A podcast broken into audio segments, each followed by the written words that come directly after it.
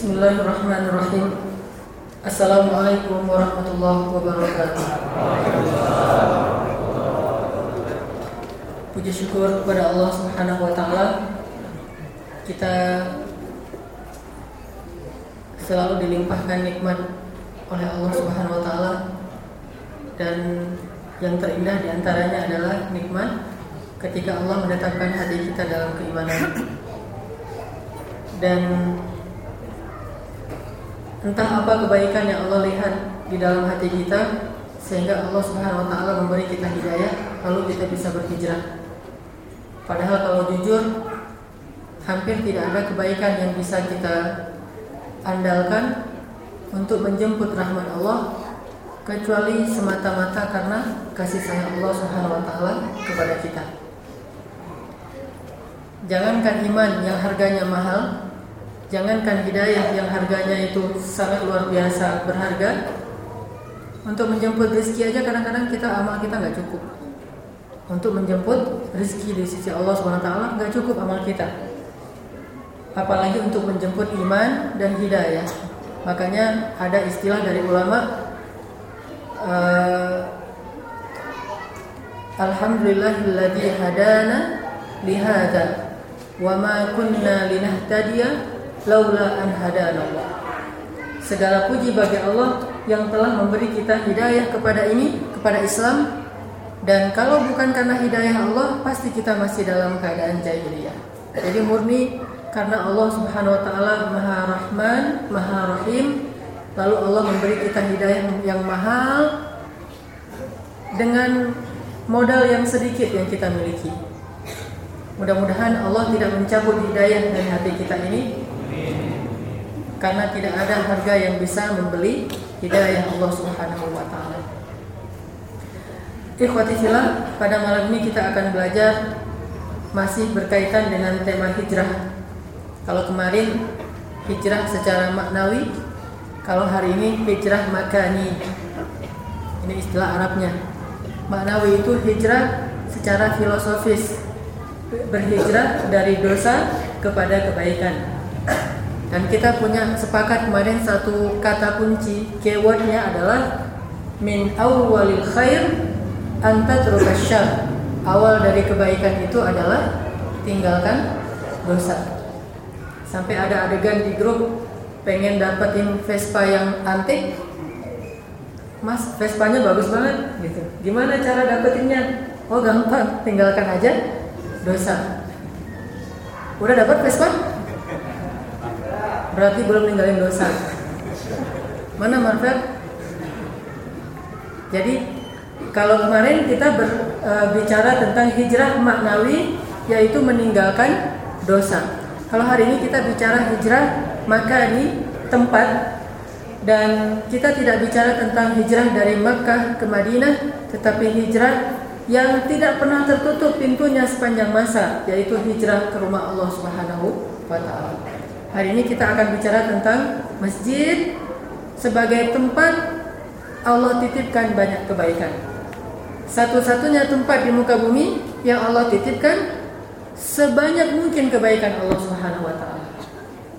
Hanya kalau di judul kita mungkin bahasanya bahasa anak muda apa asiknya ke masjid? Nah, kita akan jawab apa asiknya ke masjid. Hal-hal apa saja yang kalau orang ke masjid itu dia akan mendapatkan kebahagiaan, mendapatkan kebaikan, mendapatkan keberuntungan. Kalau bahasa anak muda mah apa asiknya ke masjid. Sebelum kita bahas tentang masalah ini, kita akan coba baca satu ayat Allah di dalam surat At-Taubah surat 9 ayat 18. Coba buka mushafnya. Surat 9 surat At-Taubah ayat 18.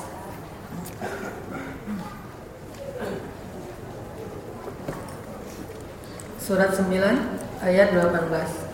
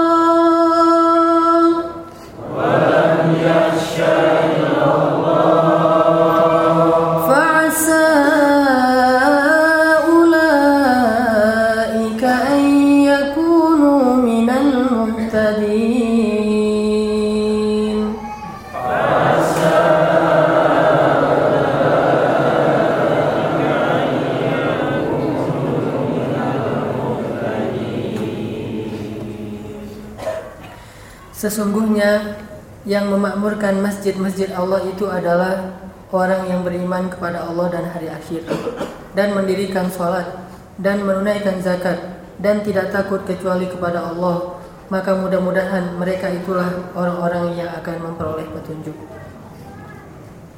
Ikhwafillah, ayat ini penting banget nih kalau kita bicara tentang masjid. Bahwa salah satu cara yang paling gampang bagi kita untuk melihat orang yang beriman yang berjalan di muka bumi itu adalah lihatlah orang yang paling sering ke masjid. Karena Nabi Shallallahu Alaihi Wasallam bersabda dalam hadis riwayat Ahmad dan Tirmidzi, "Idza ra'aitumur rajula ya'tadul masajid, fashhadu lahu bil iman." Kalau kalian melihat seorang laki-laki selalu datang ke masjid, dia terikat dengan masjid, dia suka duduk di dalam masjid, fashhadu lahu bil iman. Maka bersaksilah bahwa laki-laki itu orang yang beriman. Lah, bukankah semua orang yang mengatakan asyhadu an la ilaha illallah itu orang yang beriman? Tidak. Wa minan nasi man yaqulu amanna billahi wa bil yaumil akhir. Banyak orang yang mengatakan kami telah beriman, tapi apa kata Allah? Wa ma hum bimu'minin. Mereka bukan orang yang beriman. Jadi nggak semua orang yang mengaku beriman berarti Allah sudah terima iman mereka. Terus apa status mereka? Mereka baru Islam atau malah justru munafik. Karena Allah berfirman di Al-Hujurat, "Qalatil a'rabu amanna qul lam tu'minu walakin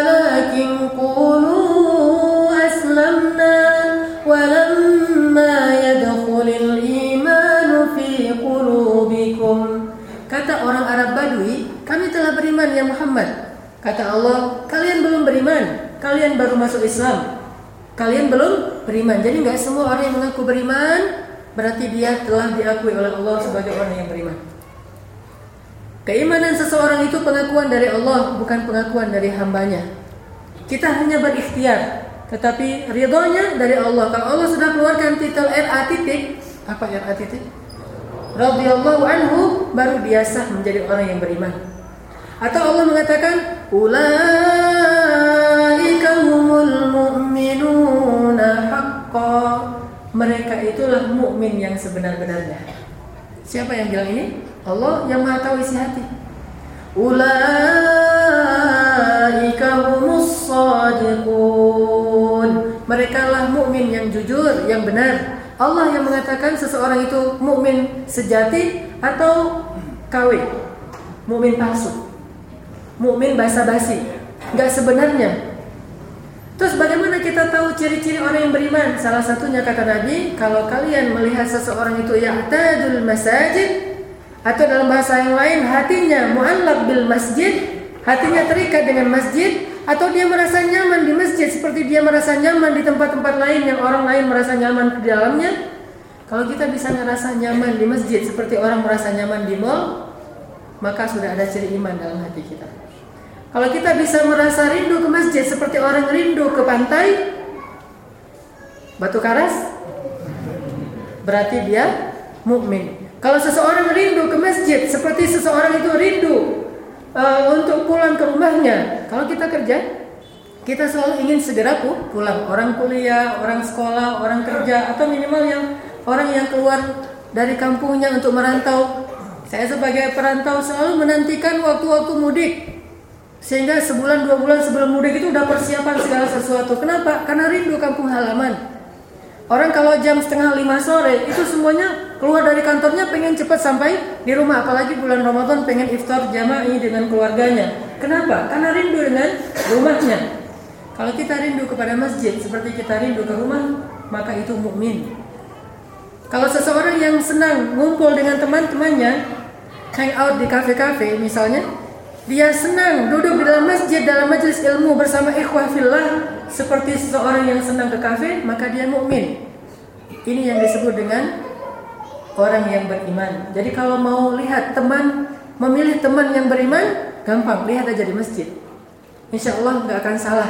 Kalaupun ada akan ketahuan orang yang ke masjidnya bukan karena Allah Subhanahu wa taala. Biasanya nggak masuk ke dalam masjid, dia di luar aja liatin sendal. Atau sekedar bekerja di masjid, belum tentu. Jangan lihat, wah ini bapak ini selalu setiap pagi saya lihat ke masjid, sore pulang ngapain? Dia lagi nukang renovasi mas masjid, belum tentu juga.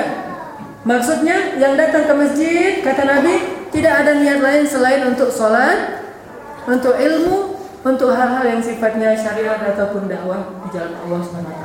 Maka itulah teman yang terbaik. Itulah mukmin dan Allah berkata, "Ya ayyuhalladzina amanu taqullah wa kunu ma'as Sertailah orang yang beriman. Bagaimana kita mencari mereka? Enggak usah cari yang paling perfect, yang yang suci, yang sempurna enggak. Cari saja di masjid seperti ini, maka inilah orang-orang yang mudah-mudahan kita disebut ulaika humul mu'minuna haqqa mu'min sejati.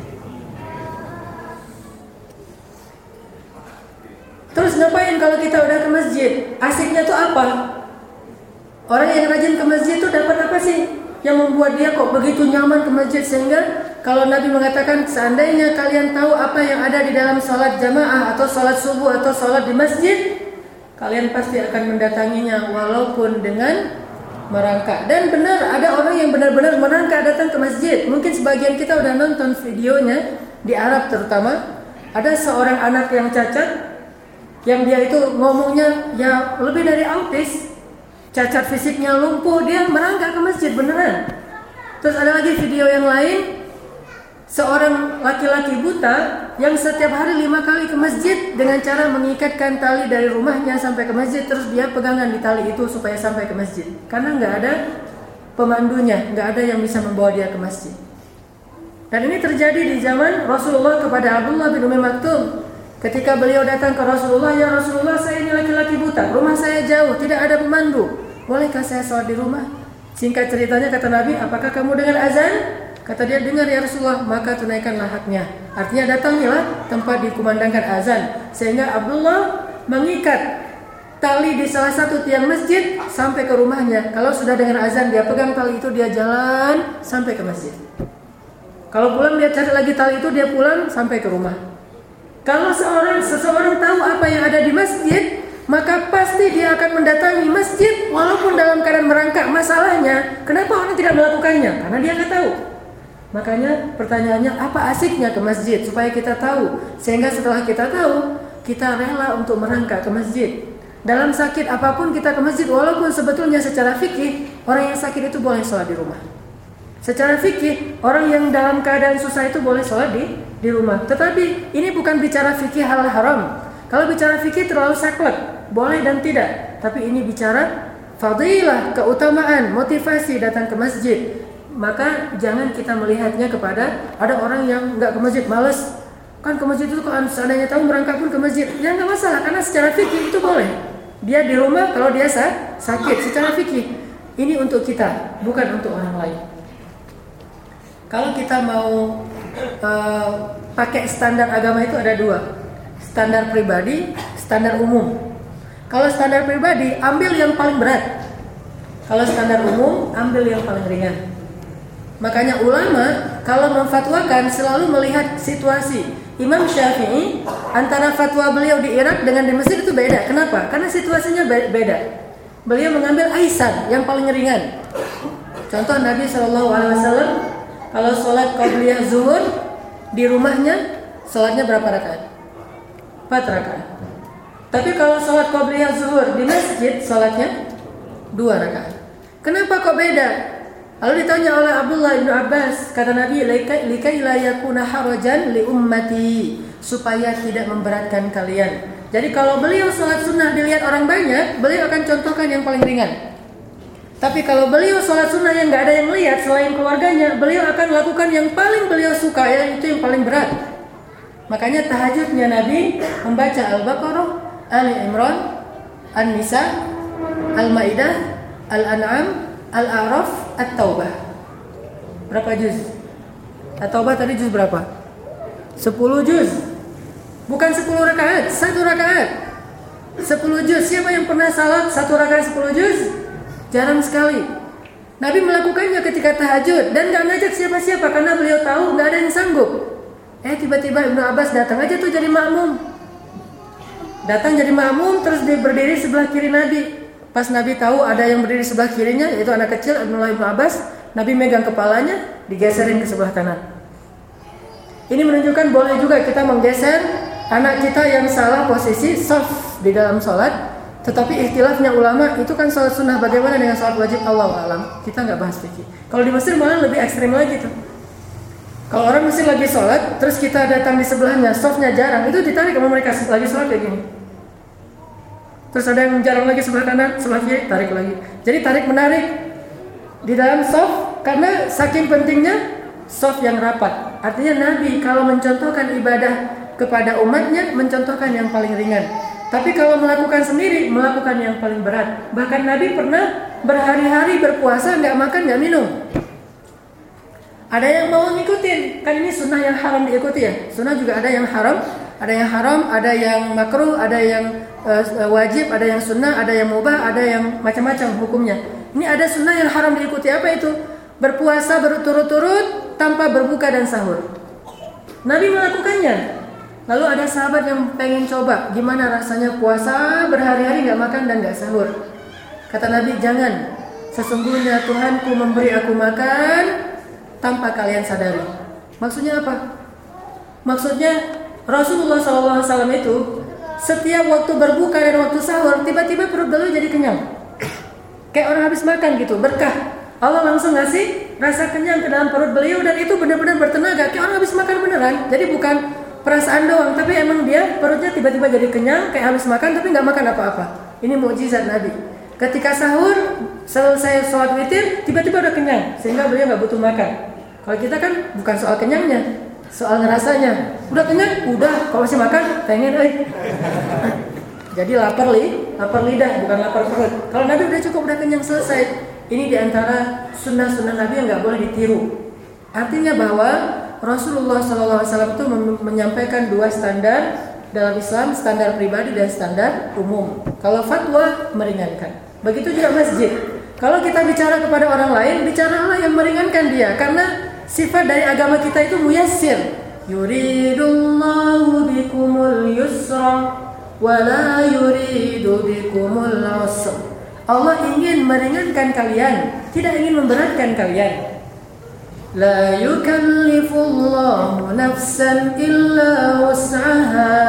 Allah mengerti sekali kemampuan kita sehingga Allah beri banyak keringanan. Taisir. Bahkan apa kata Nabi kepada Muaz bin Jabal sebelum diutus ke Yaman? Yassir wala tu'assir. Yang sekarang orang memahaminya doa ya. Padahal itu kan pesan Nabi kepada dahi. Yassir ya Muaz wala tu'assir. Mudahkan wahai Muaz, jangan persulit. Kalau kita kebalik ke diri kita, yassir wala tu'assir, ke orang lain, asir syadid wala tuyassir. Ini salah. Ke orang lain itu harusnya kayak gini, harusnya kayak gitu, haram apa sesat, berat sekali ke orang lain. Ke dirinya saya kan, tapi kan banyak alasan, banyak toleran, kebalik, diputar itu arahnya.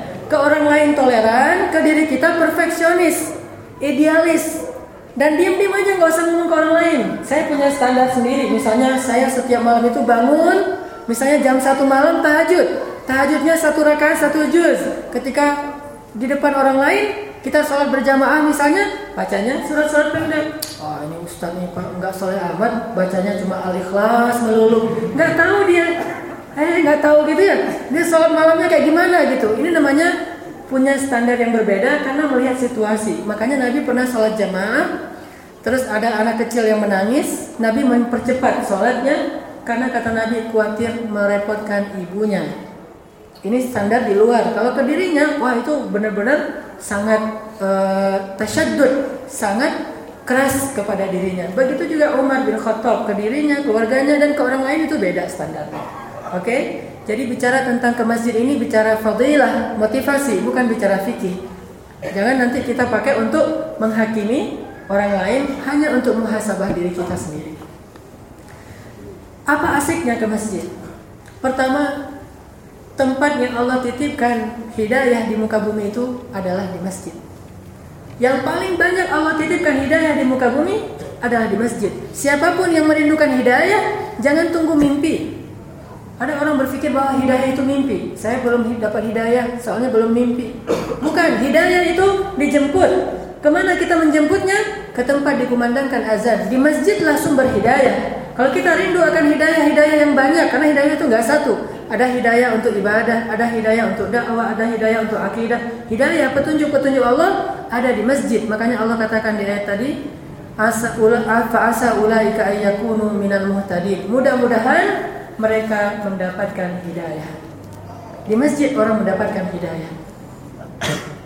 Mungkin triggernya ada di luar, tetapi sumbernya ada di masjid. Hidayah itu di masjid, cuma triggernya di luar. Triggernya bisa masalah pribadi, triggernya bisa musibah, triggernya bisa putus cinta, triggernya bisa penat dengan pola hidupnya yang selama ini lifestyle yang nggak jelas, triggernya bisa sakit, triggernya bisa apa pun, bacaan, bisa dengar tausiah, tapi hidayahnya ada di masjid. Makanya siapa yang sudah merasakan panggilan-panggilan hidayah dalam hatinya, seperti rasa tidak nyaman lagi dengan cara hidup seperti ini, tidak nyaman dengan pekerjaannya yang riba, tidak nyaman dengan musik-musiknya yang versi apa? Musik yang versi haram, bukan musik-musik yang membangun spirit bukan, tetapi musik-musik tentang cinta semalam lah. Uh, apa jablay. Dulu pas saya masih tinggal di Dewi Sartika. Dewi Sartika itu kan Saritem nomor 2 di Bandung tuh. Saya malah tinggalnya satu dinding dengan komplek itu. Jadi kalau malam tahu aktivitas mereka ngapain. Karena satu dinding.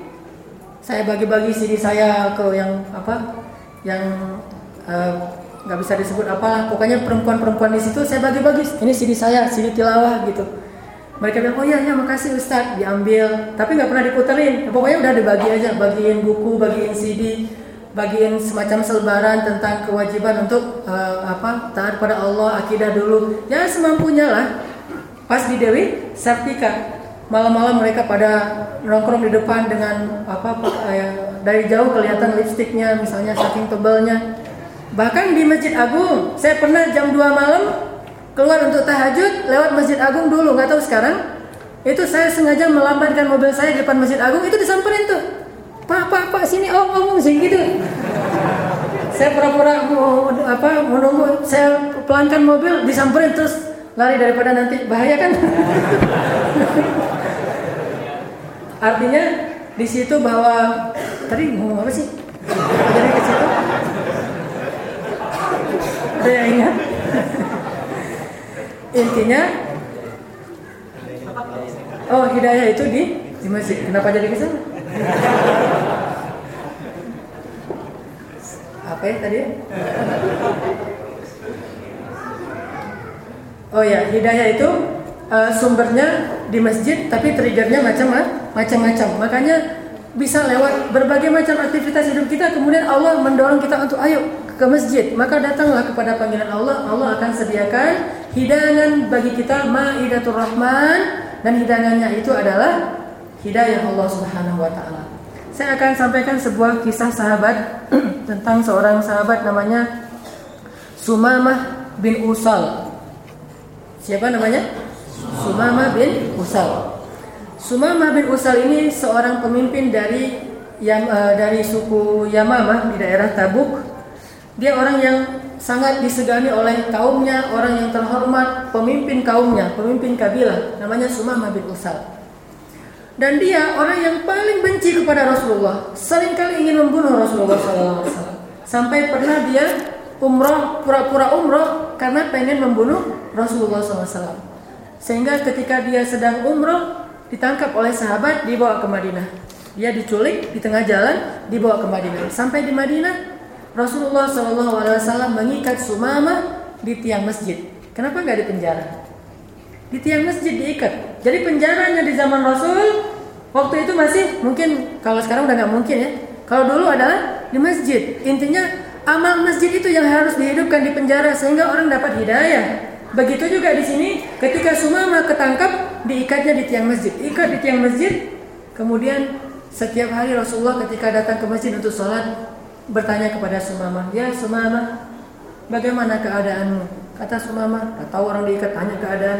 Masih marah Rasulullah senyum aja masuk sholat. Udah gitu besoknya, "Ya Sumama, gimana keadaanmu?" Tau ah gitu. Besoknya lagi Sumama gimana keadaanmu? Ketika dia udah mau ngobrol, baru Rasulullah bertanya, ya Sumama. Sekarang apa yang akan kamu lakukan? Kamu sudah tertangkap, kapan pun kami bisa membunuhmu. Para sahabat kan udah gregetan tuh pengen bunuh Sumama karena udah banyak kaum muslimin yang meninggal di tangan Sumama, dibunuh sama dia di tengah jalan orang pergi umroh dicegat, dibunuh, dibantai. Itu ratusan kaum muslimin, bayangkan sejahat-jahat orang sehingga para sahabat sudah siap ya Rasulullah penggal saja lehernya. Rasulullah tanya ya Sumama, apa yang kamu e, akan lakukan sekarang? Kata Sumama, ya Muhammad, kalau kamu menginginkan harta, kaumku akan mengumpulkan harta semua yang kami miliki, lalu kami kirim ke Madinah. Tapi kalau kamu ingin membunuh saya, maka darah saya yang semua satu tetes akan dituntut oleh satu negeri, yaitu negeri Yamamah. Mereka akan menyerang kota Madinah beramai-ramai. Tapi kalau kamu mau melepaskan saya, maka itu akan menjadi hutang budi bagi saya yang suatu saat pasti akan saya balas. Ada tiga pilihan, harta, atau perang, atau dibebaskan. Bukankah dia sudah membunuh banyak orang? Rasulullah senyum terus pergi, nggak dibebaskan. Besok datang lagi, kayak gitu lagi terus. Setelah sekian lama, Rasulullah melihat aura wajahnya itu sudah berubah. Sejak dia berada di masjid, dia sudah berubah auranya. Dari yang awalnya bengis, orang yang begitu luar biasa jahatnya, sekarang sudah ada aura hidayah di, di wajahnya. Sehingga ketika melihat aura hidayah itu, ucapannya mulai lembut, mulai bisa diajak ngobrol dengan nyaman. Rasulullah mengatakan, lepaskanlah ikatan Sumama. Dilepaskan, kemudian dibebaskan. Bawa Sumama ke sebuah telaga dan suruh dia untuk mandi. Ini supaya dia bersih, lalu Allah memberikan hidayah. Karena hidayah itu suci, tidak akan hingga ke dalam hati yang kotor. Maka caranya disuruh bersuci.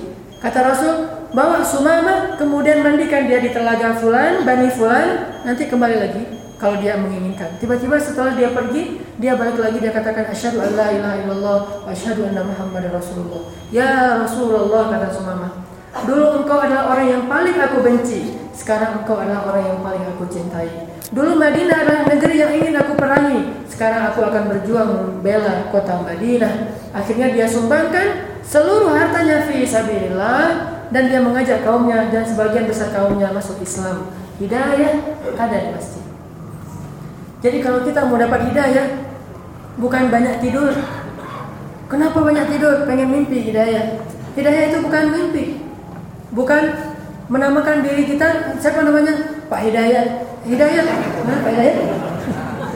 Ya mungkin nama yang baik, tetapi bukan itu sumber hidayah. Hidayah itu ada di masjid. Kalau kita ingin dapat hidayah, datanglah ke masjid. Rindu hidayah, datanglah ke masjid. Sesering mungkin, maka sesering mungkin itu pula Allah Subhanahu Wa Taala akan menghadiahkan hidayah kepada kita. Ini alasan pertama atau jawaban pertama apa asiknya ke masjid? Karena di masjid itu ada hidayah Allah Subhanahu Wa Taala. Nanti kita lanjutkan insya Allah setelah salat isya. Bismillahirrahmanirrahim. Ikhwati fillah. Tadi kita uh, membahas tentang apa asiknya ke masjid itu dalam persepsi sirah Rasulullah SAW. Uh, kenapa Rasulullah SAW mengatakan seandainya seseorang tahu apa yang ada di dalam sholat berjamaah atau di masjid maka dia akan mendatanginya walaupun dengan keadaan merangkak. Artinya sakit sesakit keras apa pun kalau dia tahu maka dia akan merangkak kalau dia tahu. Yang jadi masalah sekarang banyak kaum muslimin tidak tahu atau nggak ngeh tahu tapi tidak terlalu peduli dengan itu sehingga mimbar-mimbar e, ilmu seperti ini mengingatkan kita kembali saya yakin walaupun kita di sini sebagiannya sudah menjadi ahli masjid, sudah rajin sholat berjamaah di masjid, tetapi ada banyak hal yang memang kita harus tahu supaya jadi bekal untuk kita ketika iman kita lagi yangkus. Ketika suatu saat iman kita sedang turun karena sifat dari iman itu yazidu wa yanqus yazidu bit ta'ah wa yanqusu bil maksiyah. Terus juga untuk bekal kita mengajak saudara-saudara kita yang lain untuk sama-sama dapat kebaikan di sisi Allah Subhanahu wa taala. Karena sifat mukmin itu kalau tahu satu kebaikan, dia ingin orang lain juga merasakannya. Jangan dia saja yang merasakan kebaikan itu. Kenapa Nabi mengatakan seandainya kalian tahu apa yang ada dalam salat berjamaah, pasti akan merangkak. Berarti kan luar biasa nih. Kalau dalam hadis yang lain, ahabbul biladi indallah masajid. Sebaik-baik negeri di muka bumi yang paling Allah suka itu adalah masjidnya dan yang paling abghad, yang paling Allah benci itu pasarnya. Kalau dalam teks yang lain, sebaik-baik tempat adalah masjid, seburuk-buruk tempat adalah pasar. Ini artinya kalau orang sudah lebih meramaikan pasar, berani berarti ini seburuk-buruk kondisi seseorang, seburuk seburuk-buruk kondisi masyarakat walaupun di pasar itu nggak semuanya keburukan, tetapi ketika cintanya sudah dilekatkan pada pasar, mall, tempat-tempat yang kayak gini, ini jadi masalah. Makanya bukan mendatanginya yang jadi masalah, tetapi ketika hatinya sudah terikat di sana itu yang jadi masalah. Hati harus tetap lebih terikat di masjid. Sampai Nabi mengatakan, kalau kalian ngelihat seorang laki-laki yang tadul masajid terikat dengan masjid, fashhadu lahu bil iman. Bersaksilah bahwa dia itu orang yang beriman. Ini perintah, suruh bersaksi bahwa dia itu orang yang beriman. Dan mudah-mudahan kita termasuk orang yang beriman. Alasan pertama tadi karena Allah titipkan hidayah itu di muka bumi adanya di masjid, rumah Allah. Baitullah, terutama tiga masjid yang sangat dianjurkan untuk dikunjungi. Satu Masjidil Haram, dua Nabawi, tiga Al-Aqsa, dan dua mungkin sebagian besar kita sudah sering ke sana. Al-Aqsa harus menjadi negeri impian orang yang beriman. Kalau dia beriman, dia pasti menjadikan Al-Aqsa itu adalah negeri impian kita semuanya. Suatu saat kita akan ke sana tapi bukan melancong, bukan jalan-jalan. Kalau jalan-jalan gampang. Saya tinggal buat aja program umroh plus akso itu gampang, langsung masuk. Tapi saya berharap kalau ke sana bukan sekedar jalan-jalan, tetapi ke sana sebagai sang pembebas. Walaupun bukan kita satu-satunya, kita bagian dari para pembebas Masjidil Aqsa dari tangan Yahudi. Masjid di dalamnya Allah titipkan hidayah. Contohnya Sumamah bin usal. Walaupun cuma diikat aja di dalam masjid.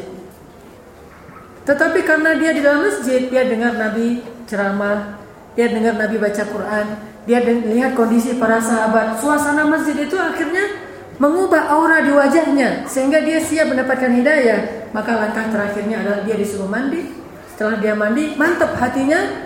Lakot istiqamal manzil. Akhirnya dia asyhadu an la ilaha illallah asyhadu anna jadi nggak masalah kalau kita nggak merasa uh, betah dulu di masjid, pokoknya paksakan diri ke masjid. Tapi saya yakin kalau dari masjid itu beda rasanya. Nggak usah lihat masjidnya besar atau kecil, malah sebetulnya bagi saya pribadi ini e, sifatnya subjektif. Kalau saya ngelihat masjid itu nyaman bukan dari besar kecilnya, suasananya, amal masjid itu. Kalau masjidnya besar tapi suasananya resmi karena masjidnya pemerintah banget, itu biasa-biasa aja. Tapi kalau masjidnya masjid harokah, masjid pergerakan, walaupun kecil dan sempit, justru itu suasananya membentuk semangat yang luar biasa dalam diri kita. Makanya kenapa saya ngajak misalnya ke masjid Antapani, masjidnya Al-Madinahnya Tabligh. Bukan apa-apa, hanya ingin mendapatkan suasana karena rindu dengan suasana-suasana dakwah atau ke masjid Cipaganti yang salafi, rindu dengan suasana suasana taklim dan ilmu atau ke masjid Habibur Rahman di Ramadan rindu dengan suasana uh, etikaf yang semuanya orang-orang yang rajin ke masjid. Nanti juga akan kita buat di Alatif insya Allah akan jadi Habibur Rahman versi gaul. Kalau Habibur Rahman itu versi aktivis dan saya tidak heran aktivis, aktivis gitu loh, ya. Ini gaul, anak gaul bisa seramai Habibur Rahman ini lebih dahsyat. Kalau Habibur Rahman ramai emang anak aktivis, tinggal di calling sama ustadz mereka datang ya itikaf 10 hari pada bawa tenda bawa keluarga anak kecil semuanya di Habibur Rahman ramai itu aktivis semuanya sekarang jadi banyak masyarakat karena dulu dipancing dulu oleh aktivis syiarnya setelah udah ramai masyarakat aktivis nyebar sekarang. Nyebar di masjid-masjid yang lain. Awalnya itu kan yang buat para aktivis. Tapi kalau al-latif anak gaul yang membuatnya. Insya Allah. Dengan izin Allah. Jadi Masjid Al-Latif 10 terakhir Ramadan ramainya bukan karena mereka itu aktivis gerakan A, aktivis gerakan B, tetapi karena mereka datangnya dari kafe ini, dari geng ini, dari komunitas itu dan seterusnya ramaiin masjid ini akan beda nuansanya. Dan bahkan mungkin jarang sekali ada masjid kayak gitu di Indonesia. Mudah-mudahan Al-Latif jadi mercusuar dakwah anak kan.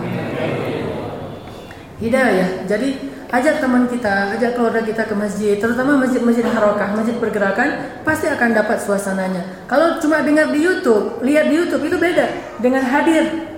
Kalau bahasa orang Arab, walaisal khabaru kal ayan. Tidak pernah sama antara mendengar dengan langsung hadir dalamnya. Itu nggak pernah nggak pernah sama. Ibarat orang yang mendengar ada sebuah taman yang indah, tapi nggak pernah datang ke sana, pasti sensasinya beda. Ibarat orang pernah mendengar tentang sebuah kuliner yang enak banget, misalnya mie Aceh misalnya. enak gitu ya bagi saya. Mie Aceh tuh misalnya enak banget, apalagi yang di Buah Batu tuh, yang dekat pintu tol Cirasalom. Oh itu kalau udah kayak gitu, anak saya tuh saya ceritain mie Aceh enak, apaan sih cuma gitu-gitu doang. Pas diajak ke sana, setiap minggu sekarang ngajak makan mie Aceh. Kenapa udah ngerasain? Maka masjid juga gitu, apalagi ini nikmatnya nikmatnya tuh di sini lebih lebih lagi kan lebih mantap lagi karena di, diminta oleh hati kita hati kita kalau udah minta maka dia raja semuanya akan ikut. Kalau hatinya udah minta kalau makanan yang minta lidah kita hawa nafsu kita. Dia bukan raja nggak usah khawatir. Ke tempat-tempat maksiat yang minta siapa? Bukan hati tapi hawa nafsu. Dia bukan raja dia pemberontak dalam tubuh kita. Hanya rajanya ini yang nggak berkuasa makanya dikuasai oleh pemberontak Ketika hati sudah berkuasa, artinya dia udah punya keputusan, udah punya sabda, hati bersabda, saya pengen ke masjid lagi, semuanya akan ikut. Mata, mulut, seluruh tubuh, kaki jadi ringan melangkah. Tapi masalahnya hatinya dulu harus dibuat tertarik kepada masjid. Dudukkan dia di masjid dengan suasana harokah pergerakan ramai seperti ini, insya Allah nanti dia akan nyaman sendiri. Besok akan pengen lagi. Kapan Seninnya pengen? Udah kangen dengan hari Senin, kangen dengan uh, hari Rabu, kangen dengan hari Jumat dan seterusnya. Kangen untuk hadir di masjid apa, masjid fulan masjid. Ini artinya bahwa hidayah itu ada di masjid. Maka paksakan diri kita untuk uh, apa? Nahbis anfusana, kita penjarakan diri kita di di masjid. Penjarakan aja, ikat diri kita di masjid. Riba mengikat diri di di masjid. Satu. Kedua, apa asiknya ke masjid? Karena di masjid itu ada jodoh. Ini baru benar jawabannya Ustaz dari tadi ditunggu-tunggu. Perasaan dari tadi tunggu-tunggu kok masih gitu-gitu aja Ustaz. Ya. Ada jo, jodoh. Jodoh itu ada di masjid. Buktikan aja tanya ke Bapak apa? Bambang Pranggono. Jodoh beliau itu ada di Alatif. Beliau ketemu jodohnya di Alatif dan insya Allah akan muncul Bambang Pranggono, Bambang Pranggono berikutnya di Alatif. Siap akhwat? Kalau kita model apa mak comblanginnya tuh akhwat yang milih bukan ikhwan ya. Enak aja lo milih-milih. Akhwat yang milih terus berdiri. Siapa yang mau malam ini? Silakan berdiri.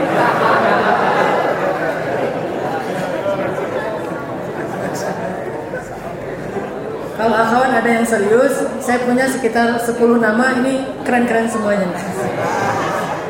Jadi punya style macam-macam, jadi tinggal kayak X Factor aja lah pilih terserah. Jadi di masjid itu ada jodoh. Dan jodoh kalau ketemunya di masjid itu keren banget. Daripada ketemunya di jalan atau ketemunya di medsos salah kirim atau SMS nyasar gitu ya SMS nyasar. Kayak orang SMS nyasar mau nipu pak uh, harga kemarin udah cocok tinggal ditransfer kapan? Berarti kalau jodoh jalannya kayak gitu juga nggak benar tuh. Jodoh nyasar dan banyak korbannya. Termasuk saya pernah punya pembantu dia dapat jodohnya lewat SMS nyasar dan akhirnya dia nyesal karena dia ditipu oleh dan seterusnya lah ceritanya. Min dalik. Tapi kalau ketemunya di masjid, insya Allah Gak usah lihat ke belakang ya. Allah yang mempertemukan hatinya sama-sama cinta masjid. Memang cinlok, cinlok M, cinta lokasi masjid. Nah, kasih istilahnya, inong ya. Ini buat istilah cinta lokasi masjid. Nah, jadi di masjid ketemu cinta bersemai. Siapa yang pernah seperti itu selain Pak Bambang Panggono ini kan contoh kekinian. Kalau contoh di zaman sahabat, saya dulu pernah kisah tentang seorang sahabat namanya Julaibib. Masih ingat ya? seorang sahabat yang budak, miskin, terus uh, fisiknya biasa aja. Saya nggak bilang jelek, biasa aja. Saking biasa aja, itu ngelamar cewek itu nggak ada yang mau. Jangankan yang merdeka, budak juga nggak mau. Saking biasanya tuh, datang Julaibib, apa Julaibib? Nggak jadi pak, pergi. Udah digituin nggak jadi kan? Mau datang ke apa akhwat yang menurut dia ini soleha kayaknya mau nggak mau ya Julaibib, kita kakak adik aja ya gitu kan. itu mah nggak ada di sirok ya. Kita mah temenan aja, gitu gitulah. Pokoknya nggak ada yang mau terima, Julaibib kasihan gitu. Akhirnya karena dia cari mencari, udah muter-muter keliling kota belum ketemu kata Marvel. Nah, akhirnya balik lagi ke masjid. Benar tuh, Vel. Udah muter-muter pakai skuter keliling kota Bandung kok nggak ketemu. Ya udah ke masjid. Siapa tahu insya Allah doain Marvel. Amin. Julaibi akhirnya datang ke Masjid Nabawi. Duduk di mihrab. Cuma Marvel jangan di situ dong. Marvel duduknya di, di mihrab sini. Karena e, kalau duduk di mihrab itu kan luar biasa ya doanya. Dia duduk di mihrab, ngelamar cewek nggak ada yang terima, ngelamar budak juga bahkan budak pun nggak mau. Ketemu orang tuanya, orang tuanya udah ngeri duluan, sangat duluan. Akhirnya ke masjid, duduk di masjid. Dia e, istilahnya munajat. Munajat itu curhat ke Allah. Ya Allah, Uh, engkau tahu keadaan hambamu. Hambamu ini butuh pendamping hidup. Biar sahurnya nggak sendirian dan seterusnya lah. Akhirnya Allah memutus Rasulullah. Tiba-tiba Rasulullah pengen aja masuk masjid. Datanglah Rasulullah ke masjid ngelihat Marvel eh Marvel Julaibib di masjid. Ngelihat Julaibib di masjid. Ah, Julaibib Rasulullah itu kan kalau ke sahabat itu kayak ibu ke anak ya dekat banget gitu. Tahu aja masalah sahabat. Datanglah Rasulullah ngelihat uh, Julaibib Uh, malham ya Julaibib. Ada apa ya Julaibib? Ham itu kalau bahasa kita galau. Bahasa Arabnya ham. Makanya kita ada doa galau gimana? Anak muda harus hafal doa galau. Allahumma inni a'udzubika minal hammi wal hazani. Itu galau. Ya Allah aku berlindung kepadamu dari galau dan apa? Sedih itu apa bahasa anak muda? Ya sedih lah Ustaz, gak usah dimudah-mudahin, udah sedih. Jadi galau itu bahasa Arabnya ham. Nabi bertanya, "Malham ya Julaibib? Kenapa galau Julaibib?" Ya Rasulullah, usia saya makin makin apa uh, makin tua, saya belum dapat jodoh, saya lamar orang nggak ada yang mau, saya lamar uh, bahkan akhwat yang budak pun nggak mau ya Rasulullah. Tapi ya udahlah Rasulullah nggak apa-apa, saya mau berhenti aja mencari jodoh. Saya berharap kira-kira saya dapat nggak jodoh di akhirat ya Rasul. Kayak gitu ngomongnya. Saking nelangsanya uh, apa Julaibib udah nelangsa tuh. Ini namanya curhat jomblo nih Saking melangsanya si jomblo uh, soleh ini, akhirnya beliau mengatakan, ya udah Rasulullah, kira-kira di akhirat bisa nggak saya dapat istri ya Rasulullah? Rasulullah tersenyum. Allah beri ilham, lalu kata Nabi, ya uh, Julaibib, engkau akan mendapatkan istri yang soleha, yang cantik, yang kaya di dunia dan di akhirat. Di dunia dan di akhirat. Targetnya si akhirat, tapi dikasih Makanya itulah makna dari hadis siapa yang mencari dunia maka akhirat lepas. Siapa yang mencari akhirat dunia juga mengikutinya. Jadi di akhirat aja ya Rasulullah e, canangkan itu cita-cita pengen dapat maaf ya ibu ya emang kayak gitu ayatnya sih bidadari di akhirat bidadari bahasa Al-Qur'annya apa? Hurul ain. Bidadari itu istilah kita saya nggak ngerti apa arti bidadari. Secara bahasa hurul ain itu perempuan yang matanya besar tapi sayu. Bulu matanya itu lentik. Alisnya seperti pedang itu namanya hurul ain. Kalau dia minum kelihatan air mengalir di lehernya. Itu namanya hurul ain. Dan itu adalah istri orang yang beriman di akhirat selain istrinya di dunia. Sehingga kalau istrinya di dunia nyakitin perasaan suaminya, istrinya di akhirat akan mengatakan, "Hai perempuan, jangan menyakiti perasaan laki-laki itu karena dia istri eh, suamiku di akhirat." Jadi ibu-ibu jangan nyakitin perasaan suami-suami dimarahin sama istrinya yang di akhirat. Artinya berharap, ya Allah berikan saya. Terus ibu-ibu ada nggak bidadara Ustaz? Ini nih bidadaranya nih insya Allah. Setinggi Adam, seganteng Yusuf, sekuat Musa, dan semulia akhlak Rasulullah SAW. Akhirnya kata Rasulullah di dunia dan di akhirat. Ah, kaifadalik? Gimana caranya ya Rasul? Perasaan selama ini nggak ada yang mau nerima. Ini jangankan ini, jangankan yang merdeka, cantik, kaya, budak aja nggak mau, apalagi yang kayak gini. Kata Rasulullah, ya Julaibib datanglah ke suku uh, ke kepala suku Fulan bin Fulan. Terus datanglah Julaibib ke sana. tok tok tok assalamualaikum. Waalaikumsalam. Ah Julaibi pembantu Rasulullah. Karena terkenal pembantu Rasulullah. Silakan silakan. Apa yang bisa kami lakukan untuk Rasulullah? Kami siap untuk apa yang dibutuhkan Rasulullah. Kata Julaibi Rasulullah menitipkan salam. Alaika wa alaihi salam warahmatullahi wabarakatuh. Terus ya Julaibi ada apa ya Julaibi kata Julaibi Rasulullah ingin melamar putri anda untuk saya nah, ini kalau untuk Rasulullah sih semua orang pasti mau kan ngantri kan pengen jadi istri Jangan pikir jadi istri Nabi itu sesuatu yang berat, memang berat di dunia, tapi di akhirat itu luar biasa. Sampai Nabi pernah pengen menceraikan istrinya, tapi nggak mau diceraikan. Kenapa? Siapa yang mau diceraikan oleh Nabi? Saudah, istrinya udah nenek-nenek. Istri Nabi yang paling tua, udah sepuh banget tuh. Kan gimana kan ya kalau udah sepuh? Maksudnya mau memberikan hak gimana? Nggak diberikan hak kasihan kan gitu kan? Coba gimana coba mau datang malam-malamnya ke Sauda udah sepuh sekali gimana nggak dapat gitu. Akhirnya Nabi karena takut menyakiti perasaan Sauda, Nabi datang ke Sauda ya Sauda, saya nggak bisa memberikan hak kamu karena tapi nggak tahu bahasanya gimana jelas nggak nggak bisa memberikan hak karena udah tua sekali. Tapi saya juga nggak mau menzalimi kamu. Gimana kalau kita cerai saja? Kata Sauda apa? Ya Rasulullah, tidak masalah. Berikanlah jatah malam saya kepada Aisyah. Karena Aisyah itu yang paling Nabi bergairah mencintainya. Kan dulu pernah saya share ya, mencintai dengan gairah dan mencintai dengan ketak ketakjuban. Berikan kepada Aisyah ya Rasulullah. Saya tetap jadi istrimu jangan cerai walaupun gak dikasih jatah malam karena saya berharap menjadi istri Nabi ketika bangkit di hari kiamat. Statusnya sebagai istri Nabi, saking istimewanya. Makanya kata Julaibib, Rasulullah ini meminang putri bapak. Tapi untuk saya, nah ini baru, aduh, Julaibib. mau nolak ini pesan Rasul mau diterima ya gimana Julaibib akhirnya karena nggak tahu gimana cara nolak dia datang ke belakang bilang Julaibib sebentar ya saya rembukin dulu dengan uh, istri saya ke belakang ngobrol sama istrinya ini gimana nih? Julaibib mau lamar anak kita. Pakai bawa bawa Rasul lagi. Susah kalau udah bawa Rasul. Kalau ini mah pakai bawa Ustadz kan saya nolaknya Ustadz yang lamar makanya kalau ada ini ke saya. Nanti insya Allah diterima. Kalau langsung siapa lo? Nah, kalau lewat Ustadz kan insya Allah pasti orangnya soleh karena Ustadz kenal. Karena Ustadznya juga masih nggak jelas. Masih berusaha untuk soleh belum soleh soleh amat. Nah, akhirnya diskusi nih rame di belakang gimana cara nolaknya gimana cara kita atau ditunda aja atau gimana putrinya di kamar mendengar uh, keributan di ruang ibu dengan ayahnya. Terus dia datang putrinya, ayah ibu ada apa? Ini ada Julaibib, kamu kenal kan? Oh iya pembantu Rasulullah, kenapa? Dia ingin melamar kamu karena ini perintah dari Rasulullah.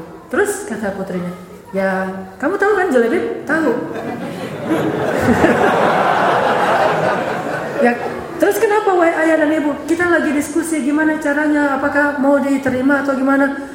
Ma'adallah kata putrinya. Coba solehah sekali nih. Ma'adallah apa arti ma'adallah? Astagfirullahalazim berlindung kepada Allah. Wahai ayah, wahai ibu, bertobatlah kepada Allah. Emang kenapa?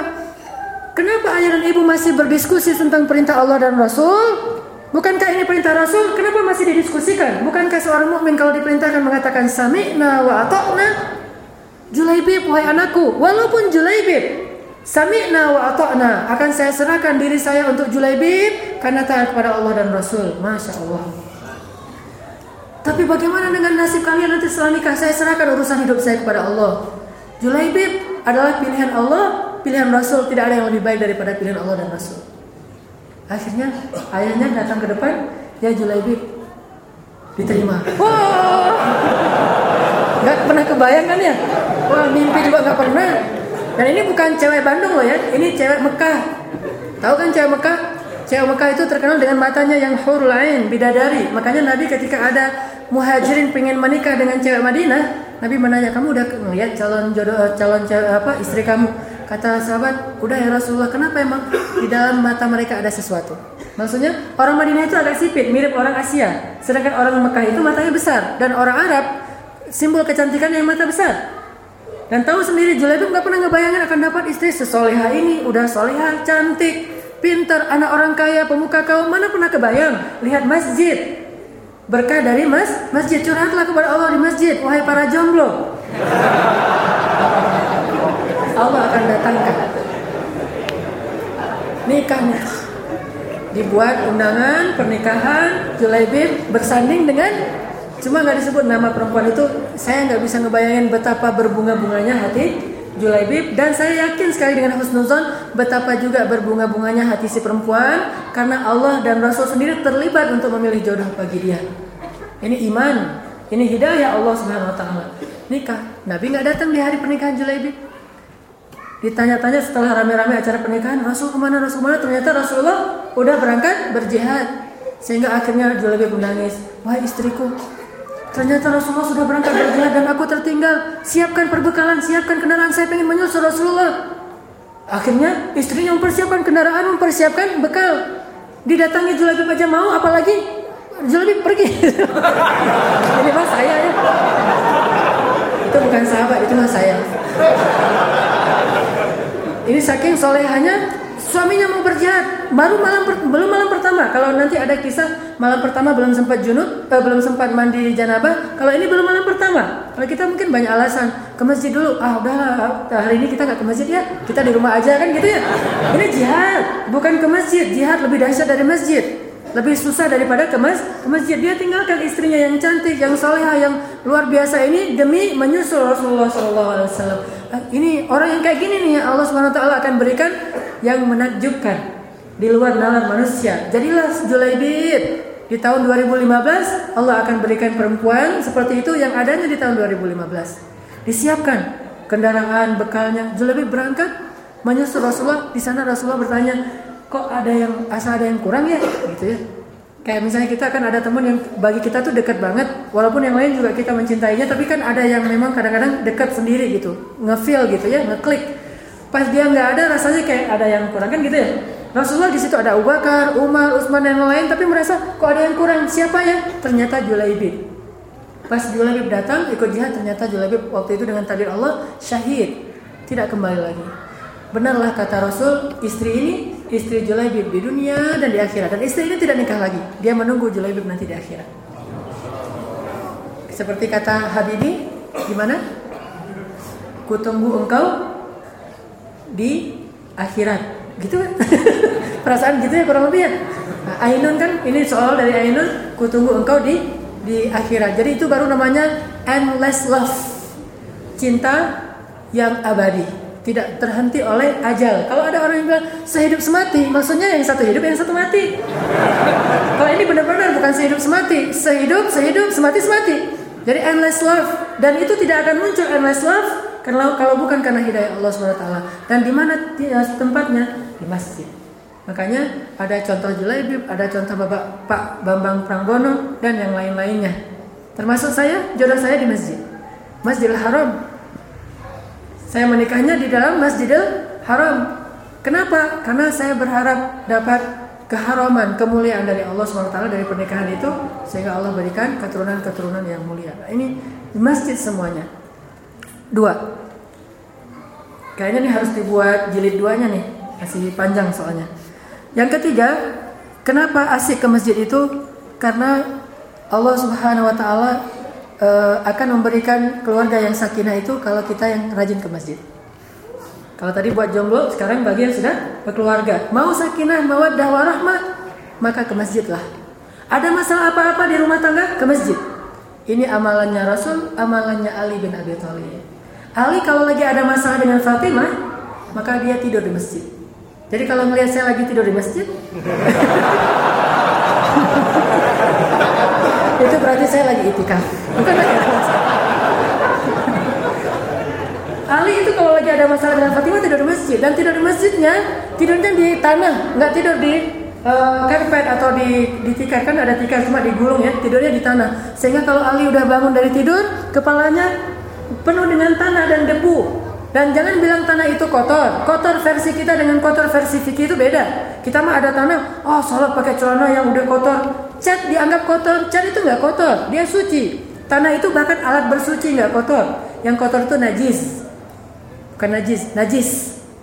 Nah, najis itu baru kotor. Kalau kita nggak ngeliat najis, cuma karena warna coklatnya tanah atau debu atau lumpur itu tidak kotor. Kayak kita kemarin ke Ciwidey, itu kan berlumpur-lumpur. Pakai aja untuk sholat nggak masalah, nggak usah pakai sarung yang baru lagi. Udah aja itu suci. Kecuali kita ngelihat emang ada kotor, kotoran hewan atau apa pun.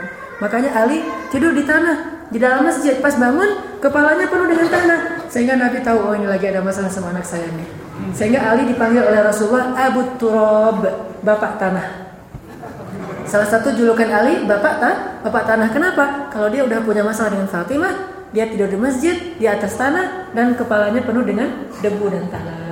Dia nggak mau rame-rame dengan Fatimah. Kalau Fatimah lagi ngambek, udahlah ditinggalin dulu sementara. Bukan tinggal pergi ke mana gitu nggak? Tinggal ke Bali, jangan. Tinggalnya ke masjid.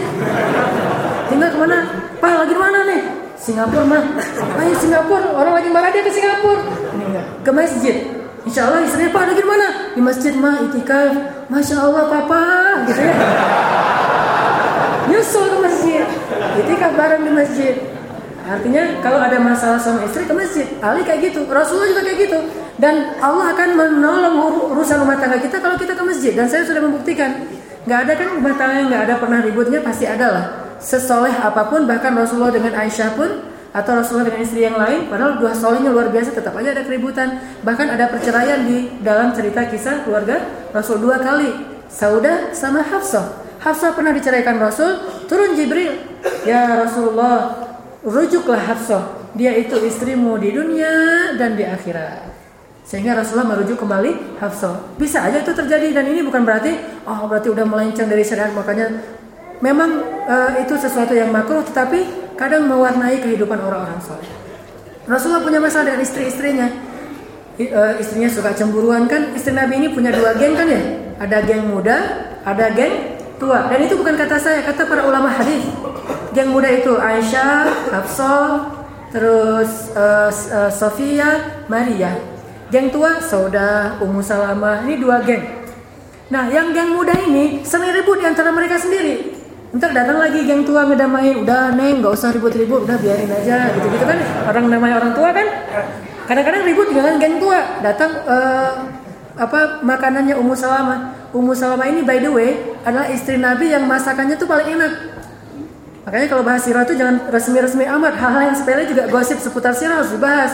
Gosip tentang keluarga Rasul. Siapa istri Nabi yang masakannya paling enak nanti jadi twist tuh. Ummu Salama yang membuat Aisyah cemburu abis gara-gara ketika Aisyah lagi buat acara jamuan makan malam eh datang nih hidangan dari Ummu Salamah pasti kalah telur saya capek-capek masa seharian Ummu Salamah datang ah ibaratnya makanan kita dilawan dengan warung Padang misalnya kan kalah telur kan atau bawa ma, apa bawa uh, mie buatan kita terus dibawanya ke uh, bukan ke ke ayah Doni Kan kalah telak makan baksonya Ayah Doni. Pas sampai di sana nggak laku baksonya kita gara-gara nggak level. Jadi datang makanan Ummu Salamah. Aisyah marah-marah atau datang Saudah ke rumah Rasulullah. Aisyah lagi manja sama Rasulullah. Kalau dalam bahasa Aisyah mungkin merasa terganggu, diganggu sama Saudah. Aisyah lagi manja sama Rasulullah duduk kan Aisyah suka manja-manja kan ya? Manja itu ngomong-ngomong sunnah Nabi.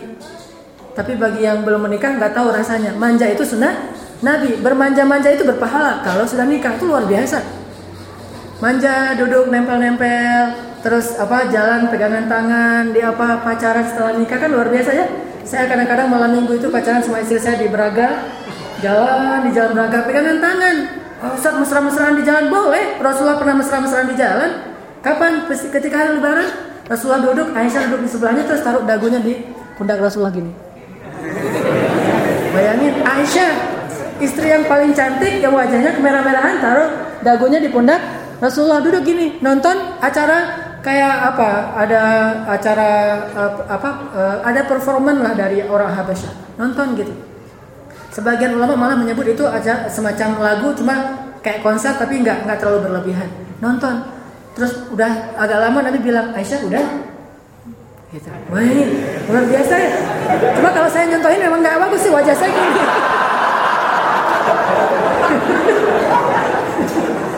Tunggu aja nanti dicontohi sama istri masing-masing ya.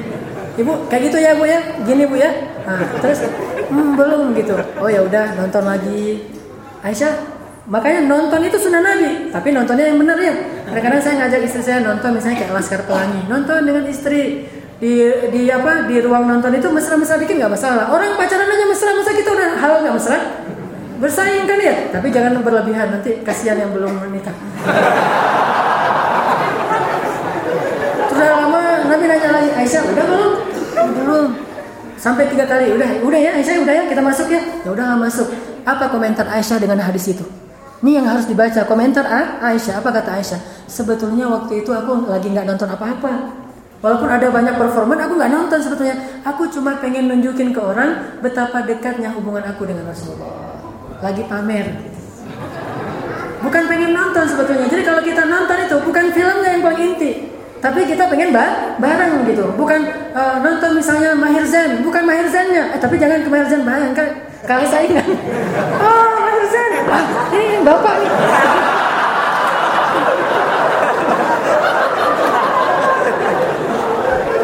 Jangan ke Mahir Zain lah, yang biasa-biasa aja. Cari artis yang ah, kira-kira saya uh, agak-agak biasa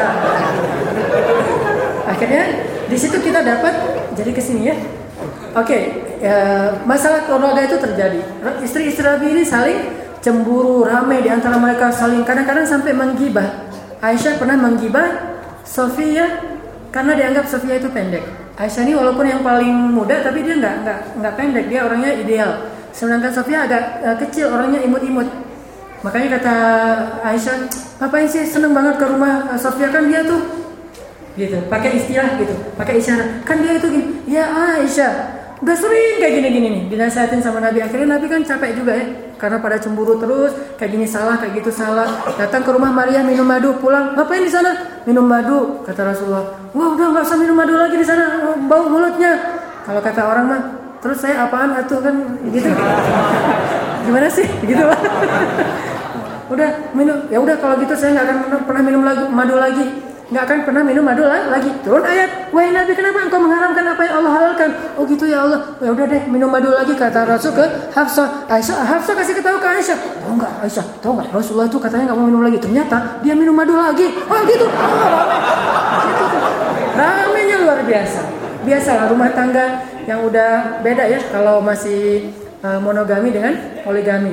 Kalau soal itu tanya saya lah. Luar biasa. Sesuai apa pun tetap aja. Jadi makanya akhir-akhir ini saya rajin ke masjid. Jadi curhat. Artinya itu terjadi. Akhirnya Nabi ke masjid. Nggak mau lagi datang ke rumah istri-istrinya. Di mihrab aja. Berapa hari? 29 hari. Nggak mau datang kepada istrinya. Sehingga istrinya mulai saling uh, khawatir nih gimana. Jangan-jangan kita diceraikan sama Nabi. Mulai akur. Gara-gara gitu jadi akur tuh datanglah ke rumah Aisyah pada ngumpul. Kenapa? Karena rumah Aisyah itu bersebelahan dengan masjid. Cuma nggak ada yang berani nanya ke Rasulullah. Nggak enak, takut gitu. Rasulullah dia menjadi masjid. Istri-istrinya pada ngumpul di rumah Aisyah. Akhirnya manggil orang tua masing-masing. Siapa lagi kalau bukan Abu Bakar dan Umar? Aisyah manggil Abu Bakar. Ya, ya. Ini gimana nih nasib kami nih Rasulullah nggak mau datang udah berminggu-minggu nggak datang tolong tanya ke Rasulullah udah diceraikan atau gimana Abu Bakar datang ya Rasulullah apakah engkau telah menceraikan istri-istrimu kata uh, Rasulullah diam aja. Rasulullah lagi sedih gitu lagi nggak nyaman dengan istrinya. Abu Bakar nggak enak juga nggak dijawab. Biasanya Rasulullah kalau Abu Bakar datang itu dari jauh udah seneng. Tapi ini nggak jawab. Saking Rasulullah lagi nggak nyaman. Akhirnya Abu Bakar masuk ke rumah uh, istri istri istri Nabi ke Aisyah dan menasihati Aisyah. Kamu ya, jangan menyakiti perasaan suamimu dimarah-marahin sama Abu Bakar. Ya ya ayah tapi kan udah terlanjur gimana dong? Gitu. Ya udah minta Umar. Umar mungkin bisa membujuk Rasulullah. Datang Hafsah Ya ayah, apa? Hmm. Wahai Hafsah, celaka kamu. Kamu ingin supaya Allah menceraikan kamu? Allah kan tegas gitu ya. Ya ya ayah kasih tahu ke Rasulullah dia udah menceraikan atau gimana minta tolong maaf gitu. Akhirnya Umar datang ya Rasulullah istri-istrimu semuanya pada khawatir. Apakah engkau telah menceraikan mereka atau ini hanya uh, tahjir dipindahkan tempat tidur? Rasulullah dia astagfirullah astagfirullah. Nggak mau ngejawab Umar. Aduh Gimana? Balik lagi, marah-marahin lagi Hafsah. Balik lagi, ya Rasulullah tolong jawab. Baru Rasulullah mengatakan, tidak wahai Umar. Dengan wajah sedih, tidak wahai Umar. Allah Akbar langsung Umarnya. Karena dia senang ternyata anaknya belum diceraikan. Allah Akbar. Istri-istri Nabi pas mendengar suara takbirnya Umar, berarti pertanda bah, baik, alhamdulillah nggak diceraikan. Baru akhirnya Umar mengatakan, wahai istri-istri Nabi, diceramahin sama Umar. Kalau kalian masih suka menyakiti perasaan Nabi, Allah akan menggantikan untuknya istri yang lebih soleha dari kalian, lebih cantik, lebih perawan, lebih taat, lebih berbakti kepada Nabi ketimbang kalian. Turunlah ayat di surat At-Tahrim, persis seperti kata Umar. wah istri Nabi, Allah akan menggantikan untuknya istri yang lebih baik dari kalian, lebih cantik, perawan, lebih taat daripada kalian kalau kalian masih kayak gini. Semuanya minta maaf ke Nabi, masuk masjid, cium tangan, selesai, akhirnya damai lagi. Jadi kalau mau dapat sakinah, mau ada warahmah ke masjid. Saya pengalaman kayak gitu kalau lagi ada masalah dengan pasangan, terserah siapa pun yang salah. Anggaplah kita yang salah karena kita tetap kepala keluarga, walaupun kadang-kadang mungkin istri kita yang salah. Kalau ada masalah dengan pasangan, saya buru-buru wudhu datang ke masjid. Salat dua rakaat, salat taubah kah atau salat istikharah atau salat jangan istikharah dulu taubat aja dulu. Taubat, minta kepada Allah istikharah kan baik. Allah saya istikharah deh. Banget baru istikharah. Ini mah taubat aja dulu. Taubat terus minta kepada Allah gitu. Pulang dari masjid itu beres urusan cepet tuh. Yakin aja. Ada masalah datang ke masjid. Ya yang udah nikah nikah nih para suami hidup para suami gitu ya. Jadi di uh, kalau ada masalah sakinah warahmah itu ada di di masjid. Insya Allah masjid itu adalah semua kebaikan itu ada di masjid. Makanya kalau ditanya apa asiknya ke masjid itu itu baru tiga ya. Saya punya sekitar tujuh. Insya Allah ada jilid keduanya. Kita akan bahas lagi sesuatu yang menakjubkan tentang masjid rumah Allah ini. Sehingga kenapa kita harus rajin ke masjid merasa nyaman berada di masjid. Mudah-mudahan Allah menggolongkan kita. Orang yang karena rajin di masjid Allah di muka bumi nanti digolongkan orang yang masuk dalam surga Allah SWT. Saya mohon maaf kalau ada sikap-sikap yang berlebihan. Uh, niatnya hanya ingin supaya kita uh, santai dan bisa menyerap materi ini dengan baik intinya adalah uh, nasihat tadi harus bisa kita aplikan aplikasikan dalam kehidupan kita jangan hanya menjadi wawasan dalam benak kita dan ajak lebih banyak lagi saudara-saudara kita bergabung di Masjid Al-Latif. Sekarang Masjid Gaul udah pindah dari yang di situ tuh. Sekarang Masjid Gaul itu Al-Latif. Jadi kalau mau bilang di mana kita ngumpulnya di Masjid Gaul, sekarang di sini ya. Masjid Gaul itu adalah Al-Latif dan mudah-mudahan menjadi tempat nongkrongnya anak-anak muda. Setelah ini uh, silahkan nanti amal sendiri-sendiri. Ada yang mau makan makan, ada yang mau ngobrol-ngobrol, ada yang mau tetap ngumpul di sini silaturahim, silakan. Barakallahu li wa. Subhanakallahumma wa bihamdika asyhadu an la ilaha illa anta astaghfiruka wa atubu ilaik. Assalamualaikum warahmatullahi wabarakatuh.